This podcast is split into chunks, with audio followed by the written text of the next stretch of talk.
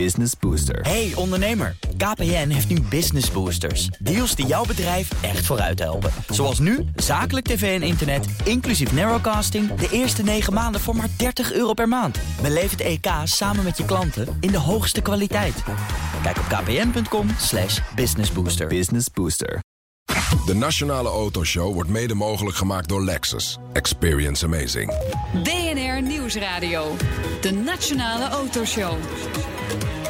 Meindert en Wouter. Welkom bij de Nationale Autoshow. Dit keer niet vanuit de studio in Amsterdam. Nee, we zijn in Genève. Want hier vindt natuurlijk de Autosalon plaats. De belangrijkste autobeurs ter wereld. En natuurlijk naast mij ook Wouter. Ja, moeie voeten heeft Wouter. Ja, staat hier, hoe ook een beetje het? moe hoofd misschien. Zo, nou. Het Al die gisteren, informatie die op je ja, afkomt. dat ja. En eh, een paar wijntjes die er gisteravond Ja, toch, eh, ja, zeg het maar, is net toch te een veel- autofeestje, Ja, het, is ja, het moet wel gevierd worden. Ja, ja. Het leven moet gevierd Het worden. leven moet gevierd Maar worden. de volgende ochtend heb je er wel ja, spijt van. en, en dan loop je over, over die beurs en dan denk je... Dit bevalt me wel. Ja, ik weet je, het blijft een mooie bus. Lekker compact. Er staat gewoon veel. eh, hier op de stand bij BMW, waar we nu even zitten, echt gewoon veel nieuws. Veel met een stekker. Natuurlijk belangrijk voor Nederland. Maar eh, ook gewoon eh, wel gave dingen. Mijn favoriet, de M340i X-Drive. Ik heb al wat mensen geappt van, joh, kan er, hè? Kunnen we niet wel regelen? Jij me niet wel regelen? Nee, maar erg, vind ik erg mooi. En jij hebt al een rondje gedaan? Ja, nou, ik zal je vertellen. Dit is dus mijn primeur op Genève. Het is eigenlijk te zot voor woorden. Maar ik ben normaal altijd aan het skiën als Genève is. Eh, ja, maar ik zit er ook een beetje aan de kleinere auto's te kijken. De, de Ja. 208 vind ik Ja. echt geslaagd. Ja, ja, ja. Spannende de auto. Clio, Ja. minder spannend, maar En, wel eh, leuk. Ja, zeker. Zeker. Dus, is, eh, maar goed, la- laten we eh, Ja, naar onze gast. denk zeker. ik. Want straks spreken we met de Europese designbaas van Mazda, een Belg is dat. Ja, En, eh, ja, ja, maar dat heeft het- toelichting nodig. Dat spreekt, spreekt wel Nederlands. Ja, dat is vaak met Belgen. Eh, nou, met Als ze geen Vlamingen, Frans spreken, dan, dan. eh, maar eerst onze eerste gast, en die spreekt zeker Nederlands. Pieter Nota, hij is bestuurslid bij de BMW-groep. BMW Mini Rolls-Royce, tevens verkoopdirecteur van BMW. Goeiedag, fijn dat u tijd voor ons heeft. Absoluut. Leuk. Voor BNR altijd. Eh, ik, ik, ik zei net, Genève de belangrijkste autobeurs. Maar dat geldt voor BMW misschien niet helemaal. Is dat toch dan Frankfurt? Nou, beide zijn belangrijk. We zijn ons wel aan het oriënteren. We hebben ons bijvoorbeeld eh, teruggetrokken uit Detroit. Eh, dus dat is een grote beurs geweest. En leggen nu de nadruk in de Verenigde Staten bijvoorbeeld op Los Angeles. en ook Las Vegas voor de CES natuurlijk. Met alle thema's rondom digitalisering, connectiviteit. Maar Genève is en blijft een vast eh, baken. Dus eh, samen met eh, Frankfurt natuurlijk voor ons. Genève is ieder jaar, dat maakt het ook bijzonder. En het is eigenlijk een beetje de opening van het jaar voor heel iedereen die iets te betekenen heeft in het automobiele wereldje. Met auto's. En het is neutrale grond natuurlijk, Zwitserland. Geldt dat ook nog wel een beetje? Wel, in Frankfurt of Parijs, dan is het natuurlijk... Ja, dan heb je autofabrikanten. Heeft, heeft Zwitserland natuurlijk feitelijk niet. Helpt dat ook nog een beetje? Nou, misschien. Het is natuurlijk neutrale grond, maar het is ook een belangrijke markt voor ons. Hè? Ja. Zwitserland is natuurlijk, er zit veel koopkracht. En, eh, Nou, veel geld wilde ik zeggen, eh, maar- je Als had je hier even een over rondje onze, buiten de beurs hè, maakt, dan zie je dat BMW. M. eh. Dat is een van de belangrijke markten voor ook de, de high-end, de M-modellen voor BMW. Een heel hoog aandeel hier. Maar het heeft natuurlijk ook internationaal een, een grote uitstralingskracht. En we zijn hier ook met twee van onze merken. We zitten hier op de BMW-stand, natuurlijk heel belangrijk. maar ook een eindje verderop was je misschien ook al de Rolls-Royce-stand. Daar komen natuurlijk ook veel klanten naartoe die daar ook daadwerkelijk dan ook kopen. Ja, ik mis Mini eigenlijk, toch? Mini is hier ook eh, af en toe. Eh, dit jaar niet. We maar hebben- dit jaar niet. we hebben natuurlijk eh, bij BMW heel veel nieuws te melden Ja. dit jaar. Dus daar concentreren we ons nu op. Een van de belangrijkste boodschappen hier is dat we zeer zwaar investeren natuurlijk in de hele ehm, eh, electric drive. Dus Ja. elektrificering van onze reeksen. Zowel puur elektrisch, eh, maar ook eh, eh, dit jaar belangrijk de zogenaamde plug-in hybrids. waar wij toch heel sterk in geloven. En ik ben me natuurlijk van bewust dat met name in Nederland dat een beetje ja, Zit even in het verdomde hoekje, in het toch? vervelende hoekje Ja. zit. Maar wij vinden volledig onterecht. Omdat ehm, juist in Europa, waar je veel gebruikers ziet, veel klanten ziet die door de week woon-werkverkeer, korte afstand, uitstekend vol elektrisch kunnen rijden. Met eh, dus ook eh, eh, zero local emissions, zoals we dat zo mooi noemen. Dus heel geschikt om snel luchtkwaliteit in steden te verbeteren. En als je dan in het weekend wat langer weg wil, of je wil hier naar Genève, hè, rondje skiën, dan heb je toch de ease of mind op zijn Nederlands gezegd, of op zijn Engels gezegd, dat je zonder op te laden toch langere afstanden kunt afleggen. En die plug-in hybrids zijn voor ons een vast, vast bestanddeel in onze elektrificeringsstrategie. Ja, die gaan dus ook echt een belangrijke rol spelen in die hele transitie. Want BMW is natuurlijk al lang actief met batterij-elektrische auto's. Ja, wij zijn echt een pionier als het gaat om uh, uh, elektrische aandrijflijnen. We hebben natuurlijk in 2013 al met onze i3 uh, puur elektrisch echt een, een, een voortrekkersrol gespeeld hier. En, het is ook belangrijk, wij zijn in Europa de marktleider als het gaat om elektrische aandrijving. en dan heb ik het over de combinatie van onze plug-in hybrids en onze volledig elektrische auto's. We hebben vorig jaar wereldwijd meer dan 140.000 ehm, elektrische uh, auto's verkocht. Uh, daarvan ook dus heel veel in uh, Europa. En um, daarmee zijn we dus de nummer 1 in Europa. Goed gedaan. En dat, is een beetje uw succes. Want u moet, ik, zat te denken met, met de plug-in hybrids. Dat is ook wel moeilijk verkopen misschien toch nog wel. Het is, is technologie die wat complexer is. En het is niet, zijn niet de snelste BMW's, maar het is ook weer niet volledig elektrisch. Is, is dat lastiger, verkopen? Het wordt steeds uh, zeg maar makkelijker om dat te doen. Omdat natuurlijk uh, in, in, een aantal landen zijn er ook uh, belastingvoordelen voor ook plug-in hybrids. Ja. maar het gaat natuurlijk niet alleen maar om belastingvoordeel. Het gaat ook om gewoon het daadwerkelijk naar beneden krijgen van uitstoot, CO2. En daar zijn plug-in hybrids toch erg geschikt. onze nieuwe X5 bijvoorbeeld, hè, natuurlijk redelijk hogerop in uh, de reeks. Heeft ja. een puur elektrische range van uh, meer dan 80 kilometer inmiddels. Dus is uitstekend geschikt voor woon-werkverkeer. En hoef je niet iedere dag of iedere avond op te laden.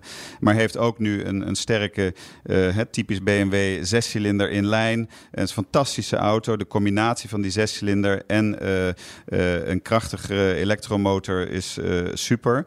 En bij uh, bieden nu over de hele reeks van de 2-serie tot uh, aan ons topmodel de 7-serie overal uh, plug-in hybrides aan. En dat zal verder het succes zeg maar, bevestigen wat we hebben met elektrische aandrijflijnen. Als ik u zo hoor praten, dan zit u volop in, in de auto. Maar u was voorheen werkzaam bij, bij Philips, Personal Health. Dat is volgens mij een scheer, scheerapparaat of zo. Maar het, is ook elektrisch. Ja, het is ook elektrisch. ja. Maar het is een ah, hele, het is een hele, andere, hele andere wereld moest hij, moest, hij, moest hij zichzelf bewijzen. Is al die uh, ja, een beetje alfa-mannetjes. Er zijn natuurlijk vaak mannen in de autowereld. Het lijkt me best een, een nou, kan een moeilijke positie zijn om je nou, even kijk, in te vechten. Ik ben altijd autofan uh, geweest. En uh, ik heb, uh, zeg maar, ik ben opgegroeid tussen aanleidingstekens bij Unilever, bij Philips. En mijn focus is echt consumentenwereld. en dat is ook, denk ik, in deze tijd. En dat was ook een van de redenen, volledig afgezien van mij als persoon, om iemand met mijn profiel aan te trekken. Ik denk dat BMW daar heel uh, ja, uh, vooruitziend uh, is geweest. om juist met alle veranderingen die gaande zijn in de automobielindustrie, is het belangrijk om ook die, zeg maar, de klant, klantgerichtheid in de onderneming nog maar te versterken. Kijk, er zijn bij BMW heel veel mensen die heel erg veel van auto's ja. afweten. het is mijn rol om daar juist ook in de hele digitalisering, die natuurlijk al volop in gang is, met nieuwe ontwikkelingen zoals autonoom rijden, elektrische aandrijflijnen, om daar de klant centraal te stellen. En dat zie ik ook heel duidelijk als mijn uh, opgave. En daar zijn we nu redelijk succesvol mee bezig. Wat betreft die nieuwe ontwikkelingen, we horen veel over plug-in hybrides, over batterij-elektrische ja. auto's. Uh, eentje die achterblijft misschien bij BMW is fuel cell waterstof. Ik heb ooit jaren geleden... In ja, de Hydrogen 7. Ja, de 7-serie. Ja. Daarna is het een beetje stil geworden. Dat was natuurlijk zonder fuel cell destijds nog. Terwijl het thuisland van BMW enorm investeert in waterstof. Tankstations die eraan komen. Gaan we daar in de toekomst nog iets van horen van BMW? Absoluut, daar zijn wij ook mee bezig. Het is nu een beetje inderdaad communicatief misschien op de achtergrond uh, geraakt. Maar de investeringen gaan daar door. Dus uh, we zijn daar ook uh, klaar voor. Zeker in de toekomst. Dat ligt nog iets verder weg, omdat die technologie nog wat verder ontwikkeld moet worden.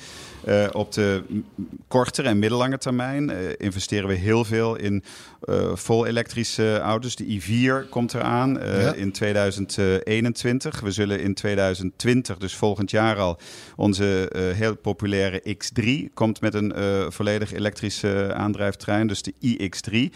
En eh, dat is ook wel misschien leuk om te noemen. Eh, een van onze kernelementen in de strategie is om flexibel te zijn in wat we kunnen aanbieden. Dus de X3 zal vanaf volgend jaar, volgend jaar ehm, alle aandrijflijnen aanbieden eh, die de klant eh, kan willen. Dus eh, normale verbrandingsmotoren, diesel en benzine, efficiënt. Maar ook een volledig elektrische versie. En natuurlijk de plug-in hybride waar- waarover ik net gesproken heb. Ik begon dit jaar ook lekker met eh recordverkopen. Dat is een goede binnenkomen. Ja, wel- wel- altijd goed, hè? Ja. Ja. Ja, Maar je keek er zelf ook wel een beetje van op, begreep ik. Want het was best lastige tijden ook wel. In Nou, kijk, eh, we zijn eh, goed bezig, denk ik, bij BMW. Omdat we ook in 2018 hebben in veel belangrijke markten ook eh, marktaandeel kunnen winnen. Ja. En ehm, eh, dat zet zich ook door, denk ik, in, in 2019. Maar er zijn natuurlijk ook wel een aantal ontwikkelingen geweest in de markt... die de markt wereldwijd onder druk hebben gezet. De, de zogenaamde WLTP-implementatie in Europa... heeft toch wel voor veel disruptie in de markt gezorgd. We hebben gezien dat natuurlijk tussen de Verenigde Staten en China... De eh, de handelsconflicten Ja. eh, opgeleid zijn. Nou, dat helpt niet. Eh, dus dat heeft ons ook wel hier en daar En, en daar komt ook nog de brexit bij. Dat is een van de ontwikkelingen. Ja, nou kijk, waar wij op, op doelen is dat het is belangrijk dat de politiek nu eindelijk een einde maakt aan deze periode van onzekerheid. Voor ons is UK een hele belangrijke markt. Het is wereldwijd onze nummer vier markt. We hebben een belangrijke We hebben een grote fabriek voor Mini in Oxford. Ons merk Rolls-Royce is natuurlijk thuis in, eh, in, in Goodwood in het zuiden van Engeland. Dus we zijn heel erg gecommit eh, aan Engeland. Maar we willen wel graag dat er nu eindelijk een einde komt aan die periode van onzekerheid. Het is nu wel genoeg daarmee. Ja, dat eh, lijkt me heel goed. Ja, we, we moeten eigenlijk naar een afronding. Terwijl we, we, we zouden het eigenlijk nog met u moeten hebben over het verkoopproces en wat er nieuw gaat komen. Maar dat, dat zou bijna gewoon in een vervolg eh, afspraak komen. moeten komen. Want dit- dit- dat, dat gaat zich niet in één minuut laten, la- laten vangen. Kijk, als je het over het verkoopproces hebt, trefwoord daar is natuurlijk eh, de hele digitalisering van de relatie met de klant. Eh, dus we, daar investeren we veel in. Hè. Eh, of dat nou bijna elke klant eh, start zijn hele aankoopproces eh, inmiddels online. Eh, we zijn ook in staat om het hele verkoopproces eh, online af te wikkelen. Eh, maar eh, dat blijft ook belangrijk, de, de dealer in het hele eh, eh, gebeuren. Omdat natuurlijk toch een, een auto een grotere investering is. Eh, ook een high-involvement investering waar toch het fysieke contact met het product en met ook de, eh, de verkoper belangrijk blijft. Maar digitalisering is het trefwoord zeg maar, in het hele klantenproces. Met daar nog, nog steeds een belangrijke rol voor de dealer. Hartelijk dank, Pieter Nota, bestuurslid bij de BMW Groep. Verantwoordelijk voor de verkoop van al die mooie modellen die hier op de stand staan in Genève, Wouter. En zometeen, Wouter, dan praten we met de man die bij Toyota Europa verantwoordelijk is voor de aandrijflijn. BNR Nieuwsradio. BNR, de Nationale Autoshow. Je luistert naar een speciale uitzending vanuit Genève. We zijn natuurlijk op de beursvloer van de autosalon al daar. De crème de la crème van de autowereld heeft zich hier verzameld. En ja, dus zijn wij hier ook. Wouter, Dat spreekt, dat spreekt voor zich. ja, eh, ook volop plek voor tuners. Ja, het is- een bijzondere plek. Maar echt gewoon van Bugatti Chiron tot eh, Rolls-Royce Cullinan. de- dat soort auto's, zeg maar. Ja, dan heb je dus al iets bijzonder exclusiefs. En dan maken we het nog, ah, Ja. nu nog exclusiever. Ja, ja. Er staat een hele gave Mercedes S Cabrio. eh, een soort een beetje mintgroen met een mintgroen lederen interieur. Ja, ik, als je het zo omschrijft, dan klinkt het heel fout. maar ik vond hem wel... eh, nou ja, apart. Laten we daar dan Ja. over hebben. Ja. Dus ja, genoeg En een gekke huis op wielen, een Ja, beetje. ja. Goed, eh, wij gaan praten met eh Thibaut Paquet. Hij is Director Powertrain bij Toyota Motor Europe. We zijn eh, te gast op de stand van eh, Toyota. Heel leuk dat we u daar kunnen spreken. Wat, wat is precies eh, de taak als Director Powertrain? Maar Toyota heeft een, eh, technisch center in, in eh, Brussel voor Europa. En wat wij daar doen, we stellen de voertuigen af voor de Europese markt. Eh, dat wil zeggen, we zorgen dat productie in orde komt. We integreren ook technische oplossingen van Toyota. brandstofcellen bijvoorbeeld in, in bussen op dit moment. Uh, dat zijn het soort activiteiten. Maar er wordt heel veel natuurlijk gewoon in Japan ontwikkeld. Dus wat, wat moet er dan nog in Europa? Zeg maar Engelstalige stickers erop in plaats van Japanse. Ah, het, het, gaat nog verder. Een paar pk's, eraan toevoegen. Het gaat iets verder dan dat. Ik bedoel, uh, uiteraard, de basiscomponenten worden ontwikkeld in Japan. Maar wij werken samen met leveranciers in Europa. We passen ook uh, desnoods de producten aan. We produceren die ook hier in, in Europa. We hebben verschillende fabrieken in Europa.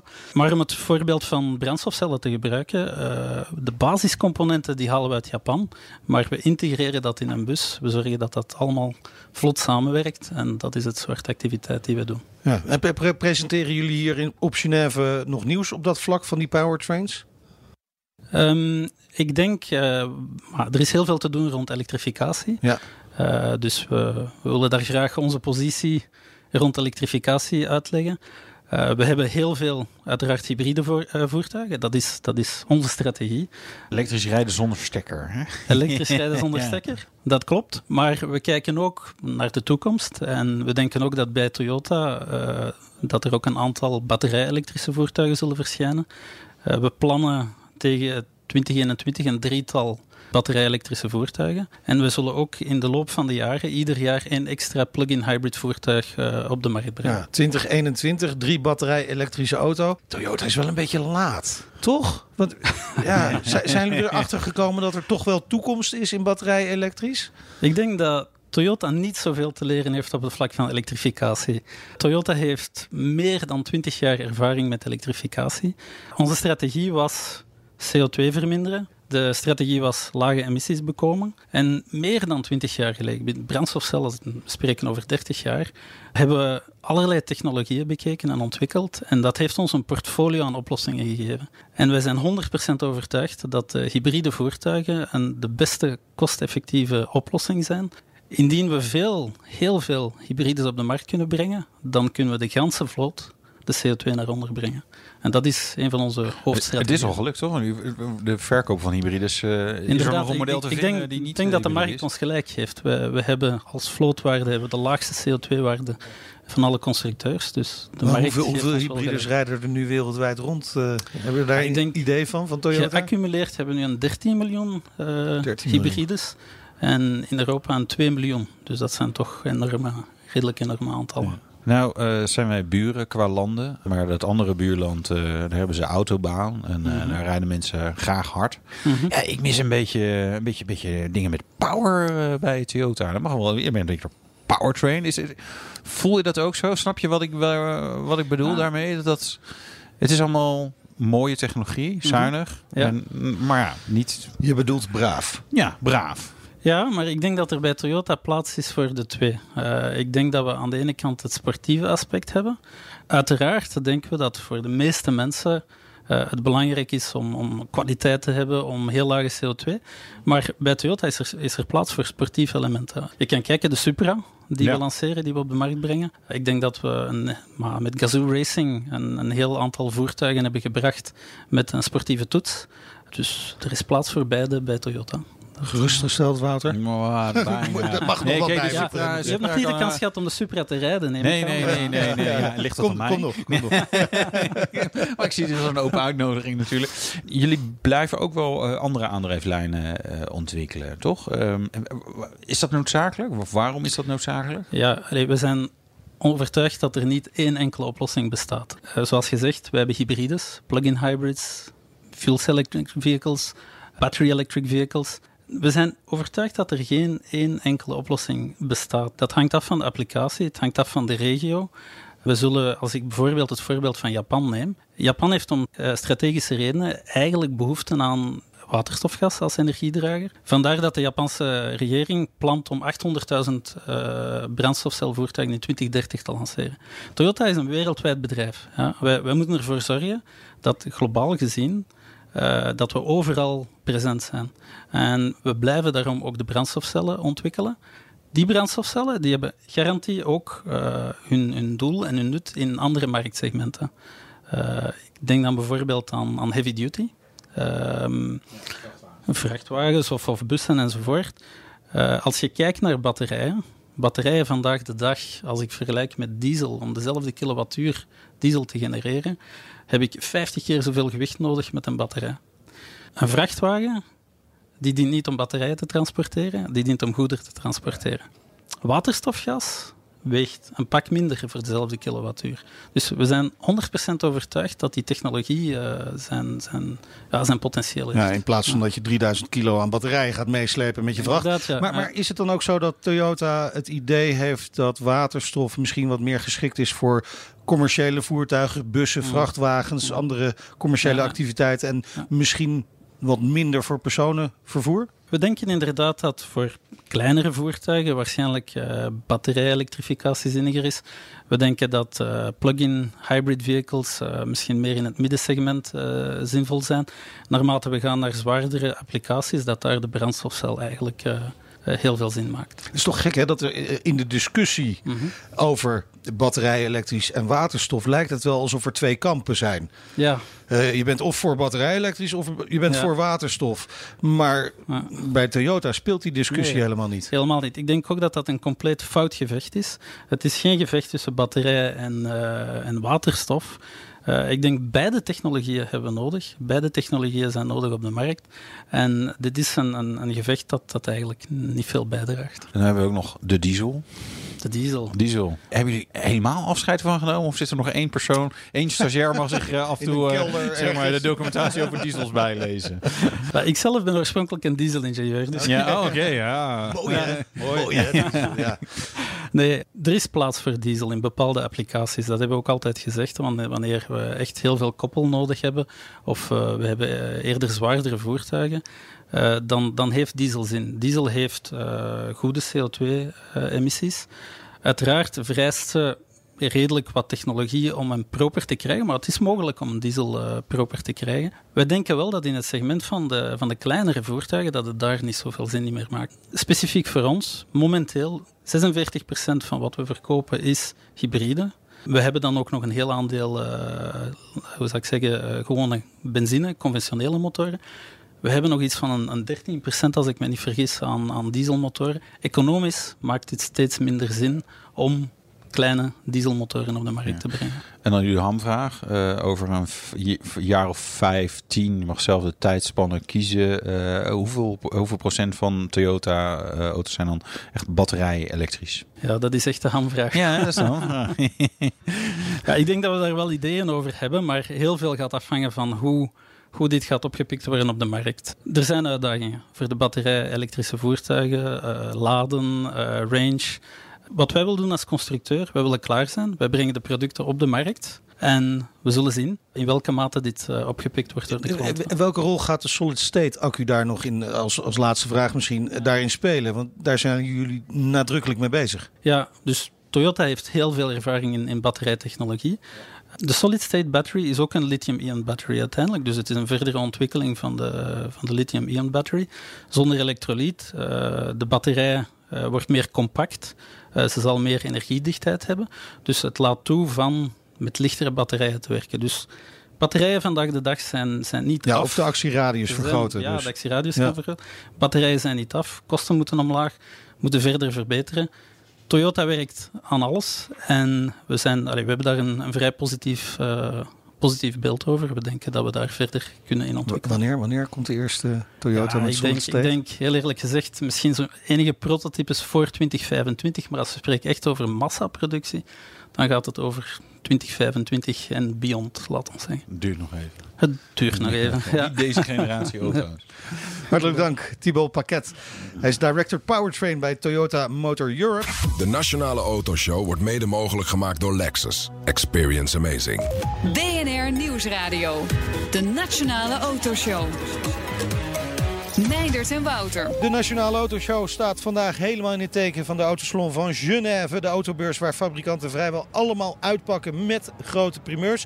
Ja, we lopen natuurlijk de hele dag al rond op de Autosalon van Genève. En wie we tegenkomen op de stand van Audi is niemand minder dan Bram Schot.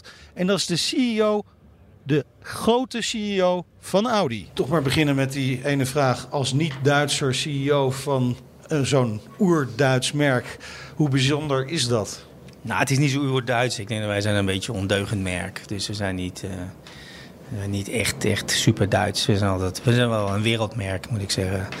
En, weet je, en ik voel me... Ik, ik ben Bram. Of ik nou Nederlands ben of Duits, maakt niet zoveel uit. Rotterdammer. Rotterdammer. Vooral Rotterdam. Oh, ja. ja, ik ben een vooral Rotterdammer. Dat zit een beetje in je bloed. En ik, werk, en ik, ik woon eh, vijf, zes dagen in de maand woon ik in Amsterdam. Dus ik voel me meer wereldburger. Ja. Maar als het er echt op aankomt, heb ik gisteren al gemerkt met hem. Ja. Dan voel je toch weer Rotterdammer. En dan ben je ook moet ik, hartstikke, eh, hartstikke Moet ik als. Amsterdammer een beetje oppassen? Nee, Ja. nee ik, ben heel, ik ben heel blij met beide, met Ja, beide ja. steden, zou ik je zeggen. Ja. En natuurlijk, Audi is een wereldmerk. Ja, is ook zo. Nou, maar we zijn ook wel een beetje een ondeugend merk. En, eh, dus ik ben ook wel van mening. Het oer-Duits vind je bij ons niet. Het is hartstikke jong.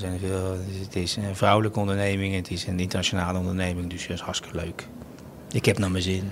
Dat is ook belangrijk. Hoe zijn die eerste drie maanden eh, geweest?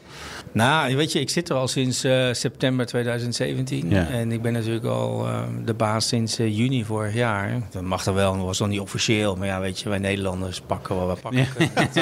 dus, Ja. dus weet je, je moet ook zo'n job volgens mij gewoon doen alsof je eh, werkelijk ook de baas bent. Want anders helpt Ja. het ook helemaal niet. Nee. Ja. Je moet gewoon duidelijk zijn. Dus voor mij is het al een stukje eh, langer dan drie maanden. Ja, natuurlijk wel gestart in een lastige periode. O- o- of is het juist makkelijk als al die ellende van Dieselgate misschien al een beetje achter de rug is? Nou, je hoeft niet zoveel meer uit te leggen. Hè? Nee. Dus, dat is, dus, dus ja, een beetje, ik ben wel iemand die graag dingen wil aanpakken en wil veranderen. En eh, dan is het makkelijk dat het ook duidelijk is dat er wat moet gebeuren. Dus het was, ja, het makkelijk was het niet, nee. Nee. Maar weet je, ik, het is nog steeds niet makkelijk, kan me voorstellen. Want er moet heel wat gebeuren, ook qua bezuinigingen. nou ja, er moet veel gebeuren, hè, want de, de hele automotive staat een beetje onder druk. Hè. Dus is, eh, of we nou eh, over eh, verbinden, connectivity praten, of eh, elektrische auto's of over autonoom rijden. Of over digitalisering. Er is al aardig wat aan de hand, weet je. En daarbij hadden we bij Audi ook nog een paar zelf een paar dingen niet helemaal goed in orde. Dus ja, daar is wel aardig wat te doen. Maar ik hou wel van, een, eh, van, van iets aanpakken. Half zwanger is niet echt iets wat in mijn, niet in mijn woordenboek staat. Geen woorden, maar daden, zeggen we dan. Hè? ja, dat- dat-. Het, hier buiten staat eh, Café Elektriek. Het is wel Ja. eh, elektrisch, elektrisch, elektrisch. Dan denk ik, nou jongens, jullie hebben ook wel wat andere leuke dingen. Ja, is ook het- zo. Nee, Maar ja, het is natuurlijk wel, het is wel nodig. Hè? Want we, ik heb twee zonen. Ik wil die planeten wel een beetje groener achterlaten als dat wij het ooit eh, hebben gedaan. Weet je, we worden ons steeds bewuster wat, we, wat ons gedrag betekent. Ik wil niet zeggen, ik heb net ook al verteld, eh, weet je, dat wij vroeger slechtere mensen waren als eh, de huidige generatie. Maar we worden natuurlijk steeds meer duidelijker. Dat als we zo doorgaan, dan komt het allemaal niet goed. Dus ja, het hoort er gewoon bij. We hebben daar ook een verantwoordelijkheid richting de maatschappij. En ik denk dat het voor Audi ook heel goed is. hè. We kunnen daar een nieuwe weg in slaan. En daarbij is het natuurlijk ook zo dat, eh, dat we daarbij ook met die elektrificering de onderneming ook veranderen. Dus dat is heel belangrijk. Wat kunnen we in de toekomst daarvan allemaal verwachten van Audi? Nou ja, we zijn, eh, weet je, zoals gezegd, half zwanger ken ik niet. Nee. En zolang ik de baas ben, gaat het ook gebeuren zoals ik denk dat het moet gebeuren. Dus we worden echt groener. De komende 24 maanden zetten we 12 auto's op de weg, die, eh, waarvan vijf volledig elektrisch en zeven plug-ins. En als je nog zeven jaar met me mee wil praten, dan zitten we in 25 dan hebben we er 30 op de weg staan. Dus ja, zeker als mijn moeder half zwanger was, had ik niet aan tafel gezeten. Dus, de weddenschap moeten we het nog even over hebben. Hè? oh, die De- weddenschap. Ja. Ja. We hebben een weddenschap samen. Vertel nog even tot slot. Wat Nou ja, weet je, je, het is gewoon heel simpel. Hoor. Ik geloof werkelijk dat die elektrificering die komt veel sneller dan dat we denken. Dus iedereen zegt 25% en 25%, maar nou, wij, wij hebben nergens op gewet, maar we gaan samen naar Feyenoord, een goede, goede partij. Wie, er, wie er dan ook wint, ik denk echt dat in 22, 23, dat we dan met 25% te doen hebben. Daar geloof ik echt in. Hartelijk dank. Bram Schot, CEO van Audi. BNR Nieuwsradio. BNR, de Nationale Autoshow. Wij zitten, Wouter, nu in een auto. Ja, in nieuwe... Compacte auto. Ja, ja, zit je lekker achterin? Ja, ik, ik heb Ja, prima ja, zit prima. Dan kan, kan Laurens van Akker nog een klein stukje naar er achter. een behoorlijke grootheid voor me zit, Ja, ja, ja. Ergens nog ruimte voor zijn ego, die grap Nou, wil ik maken. Maar dan, dan laat ik het midden of over jou of over eh Laurens van Akker gaan. We zitten in een nieuwe Renault Clio. Eh, we praten erover met de designbaas van Groep Renault, Laurens van der Akker. Leuk om je even te kunnen spreken. Ja, leuk dat je een keer bij mij komt. Ja, hè? dat is wel, eh, dat is wel een In jouw studio. In mijn studio. Niet veel, niet veel kleiner dan die van jullie, moet ik eerlijk zeggen. Eh, ik weet het niet, maar goed. Eh, dit is de nieuwe Clio. Die was ook echt wel toe aan vernieuwing, hè, Laurens? Ja, nee, hij heeft het heel goed eh, gedaan. De verkopen gingen nog steeds omhoog. Dus in 2018 hebben we het meeste aantal Clio's verkocht dan ooit. Dus, maar, weet je wel, de wereld verandert, de technologie verandert. We moesten hem eh, goed updaten. En tegenwoordig willen de mensen toch meer connectiviteit in de auto. Eh, een beetje geholpen worden met de autonomous drive technologies. En eh, natuurlijk heb je ook een auto die veel kwalitatiever is geworden. Ja, wat was het geheim van die vorige generatie? Want eigenlijk verkocht hij dus nog heel nou, ik, goed. denk, ik denk dat ehm, het in, in een segment waar auto's, een B-segment noem je dat, kleine hatches, waar auto's meestal een beetje pragmatisch, praktisch, functioneel zijn, bracht de nieuwe Clio een stukje design, een stukje emotie, een stukje desirabilité, zeg maar, in het Frans. En dat was nieuw, ik denk, het design, een beetje een flashy auto waarop je verliefd kunt worden. Maar ik denk dat eh, nu de markt wordt steeds competitiever en eh, je, dat is niet meer voldoende. Dus je moet een, en een goed design hebben en de technologie en, en, en. Maar dan heb je ongetwijfeld ook wel iets behouden aan de vorige generatie. Clio, is dan dat, datgene waar je verliefd op kunt worden, is dat behouden? Ja, we wilden natuurlijk wel, want de Clio is een icoon. Het is een icoon voor het segment, het is ook een icoon voor Renault. Dus we wilden dat de auto onmiddellijk herkenbaar zou zijn als een Clio. Dus je herkent hem, je ziet een gekleurde flash voorbij racen. Maar als je dan dichterbij komt en je ziet de auto van dichtbij, dan proef je dat we aan alles hebben gewerkt. Alle details, de kwaliteit, de fit en finish. Eh, de auto is ook veel rijker geworden. En als je dan in, binnen in de auto stapt, dan is het echt een revolutie. Ja, en, maar even nog buiten, want het- dat is meer evolutie. Hè? Dat is, Klopt. het- als je het niet zo weet, zou je denken... oh, ze hebben hem ietsje strak getrokken en eh, wat kleine wijzigingen, dat that's it. Ja, hij is eh, naar de gym geweest, zeg maar, de Ja. Maar hij is ook veel aerodynamischer geworden. Hij is ook veel preciezer geworden. En alle karaktereigenschappen zijn een beetje aangescherpt. Maar dat was ook het doel. Want eh, als je een auto hebt, in feite die heel goed in de markt ligt, die mensen mooi vinden, die heel goed aged, zeg maar, dan is het niet van belang dat je hem volledig eh, weer met een nieuw wit vel begint. Dus we wilden bouwen op de sterkte die de Clio had. En we hebben alle andere dingen aangepakt. Ja, en het interieur, dat is wel waar de grote veranderingen zitten, toch? Vandaar dat we erin zitten. Een beetje weg te stomen, want we hebben de airco niet aan. Ja, ja ik denk, maar ik denk dat je je niet voelt alsof je in een, eh, in een B-segment zit. Je hebt het idee dat je bijna een segment hoger zit. Alles wat je aan kunt raken zijn softe plastics. Je hebt een grote 9,3 inch scherm in het midden van de auto. Groter dan wat je in de Espas kunt vinden. Je hebt een, eh, in het cluster heb je een 7 inch of een 10 inch screen. Hij kan verschillende modes aanbieden. Dus in heel veel opzichten zit je echt in een volwassen auto. Maar we hebben niet de functionaliteit laten leiden. Hij heeft 26 liter space eh, aan, in het eh, centrale gedeelte. En de, en de kofferruimte, toch ook belangrijk voor een, eh een één familieauto, is 391 liter. En dat is groter dan die van een Golf. Kijk, dat scheelt in ieder geval. Die, wa- wat je al zegt, hè, die concurrentie in dit segment is, is gigantisch. Nou is er hier een paar stands verderop ook een primeur van een andere Franse eh, compacte auto. De Peugeot 208. Eh, heb, je, heb je stiekem even gekeken? Ja, ik kom net terugrennen van de stand, want ik had er natuurlijk over gehoord. Ja. En het is natuurlijk voor ons ook een grote concurrent. Maar om eerlijk te zijn, eh, ik vind het eh, fantastisch dat eh, de Franse industrie eh, een paar hele sterke auto's aanbiedt in dit segment. Het geeft alleen maar meer keuze voor onze klanten. Ik wens ze al het sterkte en al het succes, maar niet Te veel. ja, dat snap ik ook helemaal. Eh, Dit interieur, is, het- gaat dit langer mee dan de vorige? Het is natuurlijk- Omdat en smartphones en tablets gaan allemaal heel snel. En, en, en betekent dat dat je ook sneller weer moet veranderen in het interieur? Of valt dat nog mee? Nou, dat is wel een hele goede vraag. Omdat je, de technologie gaat inderdaad heel snel. En een auto leeft eh, tegenwoordig toch tussen de 6 en 7 jaar. Moet hij mee. Wat ik wel denk, wat ons gaat helpen, is dat de, tegenwoordig de connectiviteit ook in dit segment mee gaat spelen. Dus je kunt gedurende het leven van de auto de auto upgraden. En we kunnen jou updates sturen die je dan automatisch kunt downloaden. Dus ik denk dat we daarmee eh, voorlopig toch wel een paar jaar vooruit kunnen. En dan eh, hebben we natuurlijk toch met eh, een facelift een kans om echt, als we daarnaast de plank mis gaan slaan, om de boel weer recht te trekken. Ja. Hij krijgt echt over die air updates van software. Is dat alleen voor infotainment of voor de hele, de hele auto? Nou, wanneer een, de auto's worden steeds meer connected, Ja. dus als ze eenmaal connected zijn, dan kun je ook alle problemen die je hebt, kleine bugs of kleine updates, kun je dan over de air, eh, noemen ze dat, FOTA, Ja. eh, transferen. En dan heb je natuurlijk eh, de kans om je auto te blijven upgraden. Want het is, dat was altijd het grote probleem voor de auto-industrie. De hardware en de software. De auto, de Clio, is nu dus af, maar wordt tussentijds geüpdate eh, over die R. Eh, hoe staat het met de rest van het gamma? Waar ga je nu mee aan de slag? Nou, we zijn natuurlijk bezig om eh, alles meer electric, autonomous en connected te maken. Daar zijn ze en weer. eh, we willen tot en met eh, 2022 zullen we acht elektrische auto's hebben. Daar komen ook wat nieuwe elektrische auto's bij. En die zijn daar heel, heel eh, exciting uit. Dus eh, voor mij is de nieuwe Clio 5 alleen maar het begin. Het begin. Het elektrisch, je, je noemt het zelf al. eh, maar daar hoor ik nog niet zoveel over bij de Clio. Wel een hybrid. Maar is er een zonder stekker, toch?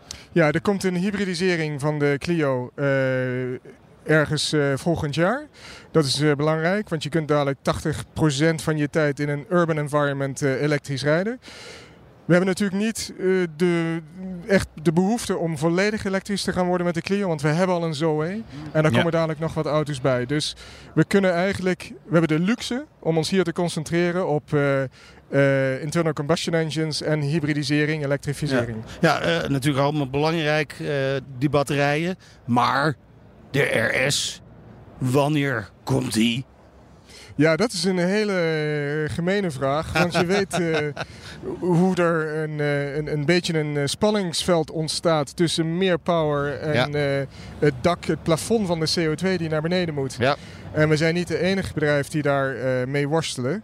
Maar ik denk dat er een aantal sportieve merken zijn die daar ook enorm mee bezig zijn.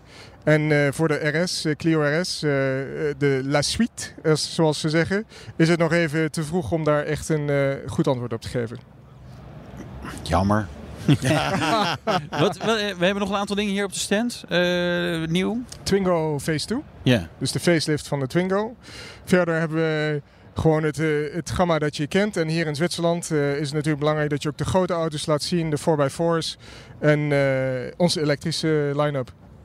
Laurens, je hebt het hartstikke druk eh, vandaag met al die journalisten die met jou willen spreken. Dankjewel voor je tijd. Laurens van den Akker, designbaas van Groep Renault.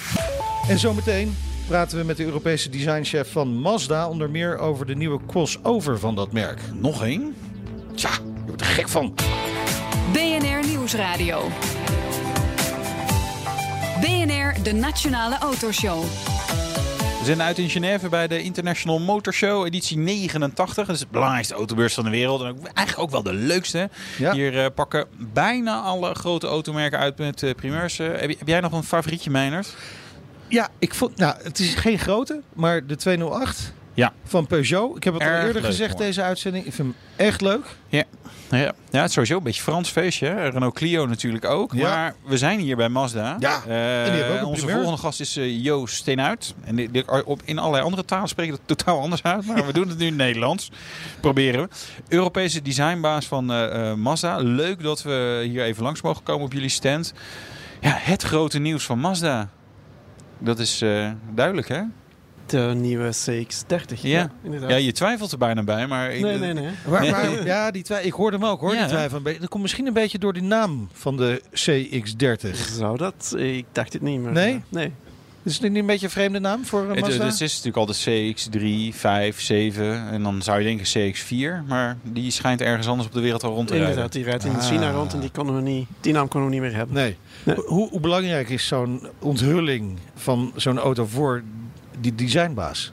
Ehm, heel belangrijk, want daar komt dan eigenlijk zijn baby waar hij heel hard in heeft aan, aan gewerkt. ehm, voor de eerste keer publiekelijk. We hebben het drie, vier jaar geheim moeten houden. Tegen niemand mogen spreken erover. En dat is, ja, dat is ja, Ook thuis de niet? geboorte. Nee, ik Ook kan thuis niks, niet, want niks ik- nee, nee, ook thuis niet. Nee. Interesseert niemand thuis ook niet. Dus, eh. Nou, dat scheelt dan wel. Dan, eh, Drie, vier jaar met zo'n project. Duurt dat zo lang om, om, om een autootje te tekenen? Om het heel plat te zeggen. Ja, tekenen is, is het begin. Dat is dus nog eenvoudig. Maar dan heb je het hele ontwikkelingsproces. Ehm, en eh, de veel ervan van deze auto is in Europa gedaan. Dus heb ik ook echt van dichtbij gevolgd. Ehm, en als wij dan klaar waren met het designmodel, gaat het naar Japan. Dan duurt het nog twee jaar om echt in productie te brengen. Oké. Dat is natuurlijk heel hard, eh, heel hard werk. Ja, want het komt erop neer dat Mazda, en dat hebben wel meer merken, maar op verschillende locaties in de wereld designstudio's hebben. Ja. En een van die eh, studio's die heeft dan het winnende idee, het winnende concept. Moeten we het zo Ja, in principe starten we allemaal eh, tegelijk en is een soort van competitie. En worden inderdaad eerst schetsen gemaakt, kleine modellen. Die gaan allemaal naar Japan, we zitten allemaal samen en beslissen dan welk voortgaat. Dat is nu wel heel kort uitgelegd. Ja, ja, ja. ja, ja. Ja, drie, vier jaar, daar kan je Ja, ook wat langer over Ja, vertellen. er zijn, er zijn heel veel interne discussies. Voor de mensen die de auto nog niet hebben gezien, de CX-30, dat is dus een crossover. En hij is groter dan de 3, CX-3 en kleiner dan de CX-5. Is dat- voor- Inderdaad, ja. Ja, Ja, wat, wat kan je er nog meer, hoe, hoe zou je hem omschrijven? Het is radio, hè? dat is lastig. Ja, moeilijk. Ja. Ehm, qua concept eigenlijk wouden we een auto maken voor eh, de jonge familie. Want we hebben gemerkt, de CX-3 is, is net iets te klein voor een, een kind en nog een, een buggy of zo. Ja. Dus hebben we ge- gedacht van oké, we, we hebben nog een, een groter model nodig, een iets groter model. Qua design is het een, een mengeling tussen een SUV en een, een coupé eigenlijk. Eh, heel duidelijk ook natuurlijk de voortzetting van het Kodo eh, design. Ehm, Ja, dat is interessant. Hè? Kodo is, is een belangrijk eh design-element van Mazda. Hoe, hoe zien we dat terug in deze auto? Ehm, door zeg maar de eenvoud in de, in de zijkant. Je hebt in de zijkant een, een, de, de, de schouderlijn is heel eenvoudig. Maar dan heb je in de zijkant van de auto zo'n zo'n S-line. Die je moet het eigenlijk naast de Mazda 3 ook zetten. En dan zal je zien dat het ook weer anders is. Dus we evolueren binnen, binnen deze generatie ook Ja, want dat is wel interessant. Hè? Kodo, be- Kodo bestaat nu drie jaar om en nabij, denk ik. Nee, eigenlijk al, eigenlijk al tien jaar. We Al zijn nu met de jaar. tweede generatie bezig. Ja, ja. Ja. Oké. Ja, want je zou zeggen, is het niet eens aan wat verfrissing toe, maar dat evolueert dus. Ja, we doen geen copy-paste zoals misschien andere merken doen. Maar bij elke auto moet ook zijn eigen karakter eh, hebben. En daarom proberen we in de generatie ook te, te evolueren. Je bent de Europese designbaas. Weet, het zal niet je officiële titel zijn, eh, of, of, of wel. Weet je? Design director. Design director, ja, dat staat hier natuurlijk al. Weet- Wat doe je dan heel de dag? Wat is jouw rol in zo'n... ja, dat is wel eens een flauw... Wat doe je eigenlijk heel de dag? Inspiratie opdoen. Ja, invullen. ja, lunchen. Nee, nee. Een van de taken is, zoals vandaag, eh, representatief zijn voor de, het Ja. design van Europa. Ook uitleggen wat, wat, wat erachter zit. Ja. ja. Eh, een mooie verhaal vertellen dat is natuurlijk ook wel leuk. Dat, Ja. Ik mag naar buiten komen en een mooie verhaal van code vertellen. Maar natuurlijk, eh, in de studio zitten twintig mensen te wachten op, op, op richting. ja. Ehm, dus ik geef de, de designers richting voor exterieur, interieur.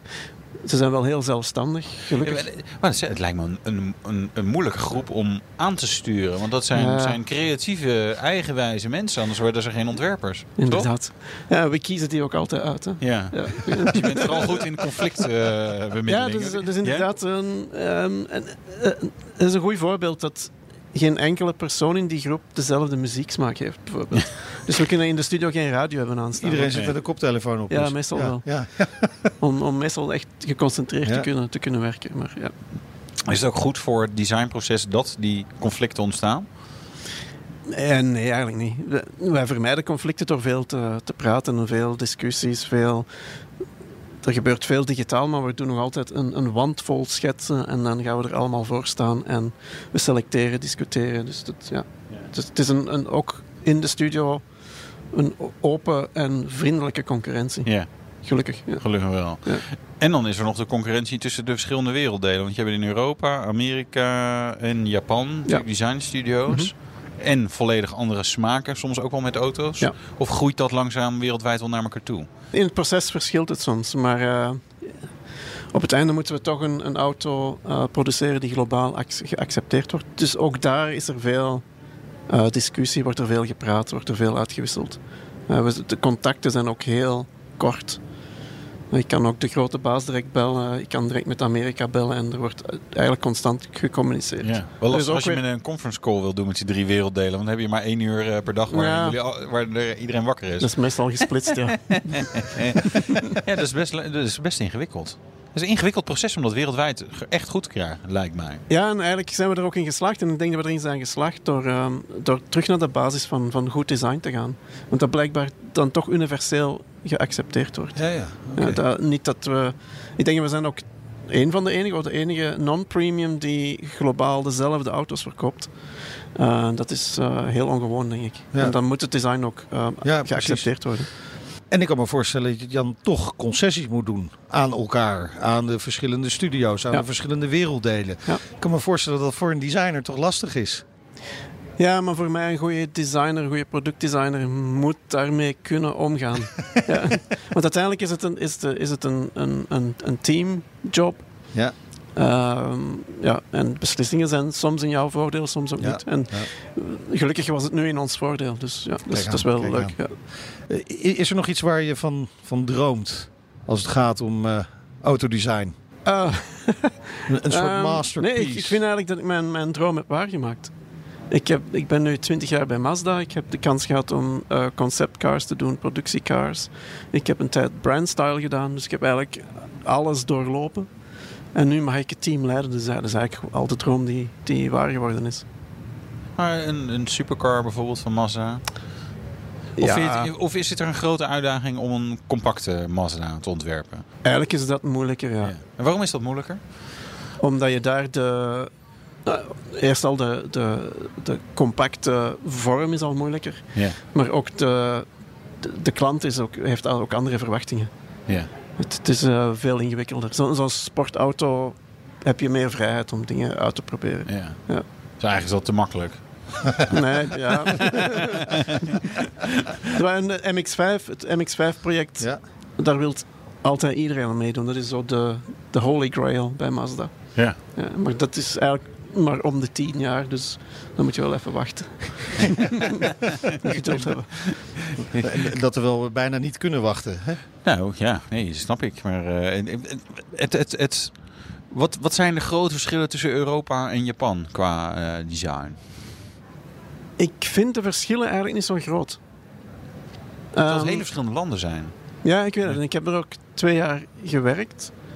En ook heel veel geleerd. Maar ehm, ehm, ik, vond de, ik vind de verschillen eigenlijk niet zo groot. Ik vind de verschil tussen Amerika en Europa bijvoorbeeld, veel groter. Waar zit dat in? Waar, waar, zitten die verschillen tussen Amerika en Europa in dan?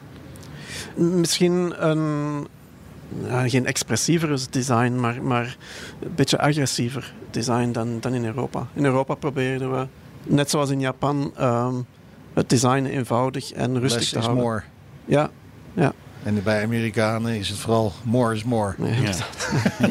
Hartelijk dank. Joost Steenuit. Dit was de Nationale Autoshow vanuit Genève. Terugluisteren kan via de site, de app, iTunes en Spotify. Tips of vragen? Mail naar autoshow.bnr.nl. Ik ben Wouter Karsen. En mijn naam is Meindert Schut. Tot volgende week. Doei. De Nationale Autoshow wordt mede mogelijk gemaakt door Lexus. Experience amazing. Business Booster. Hey ondernemer, KPN heeft nu Business Boosters. Deals die jouw bedrijf echt vooruit helpen. Zoals nu, zakelijk tv en internet, inclusief narrowcasting... de eerste 9 maanden voor maar 30 euro per maand. Beleef het EK samen met je klanten in de hoogste kwaliteit. Kijk op kpn.com businessbooster. Business Booster.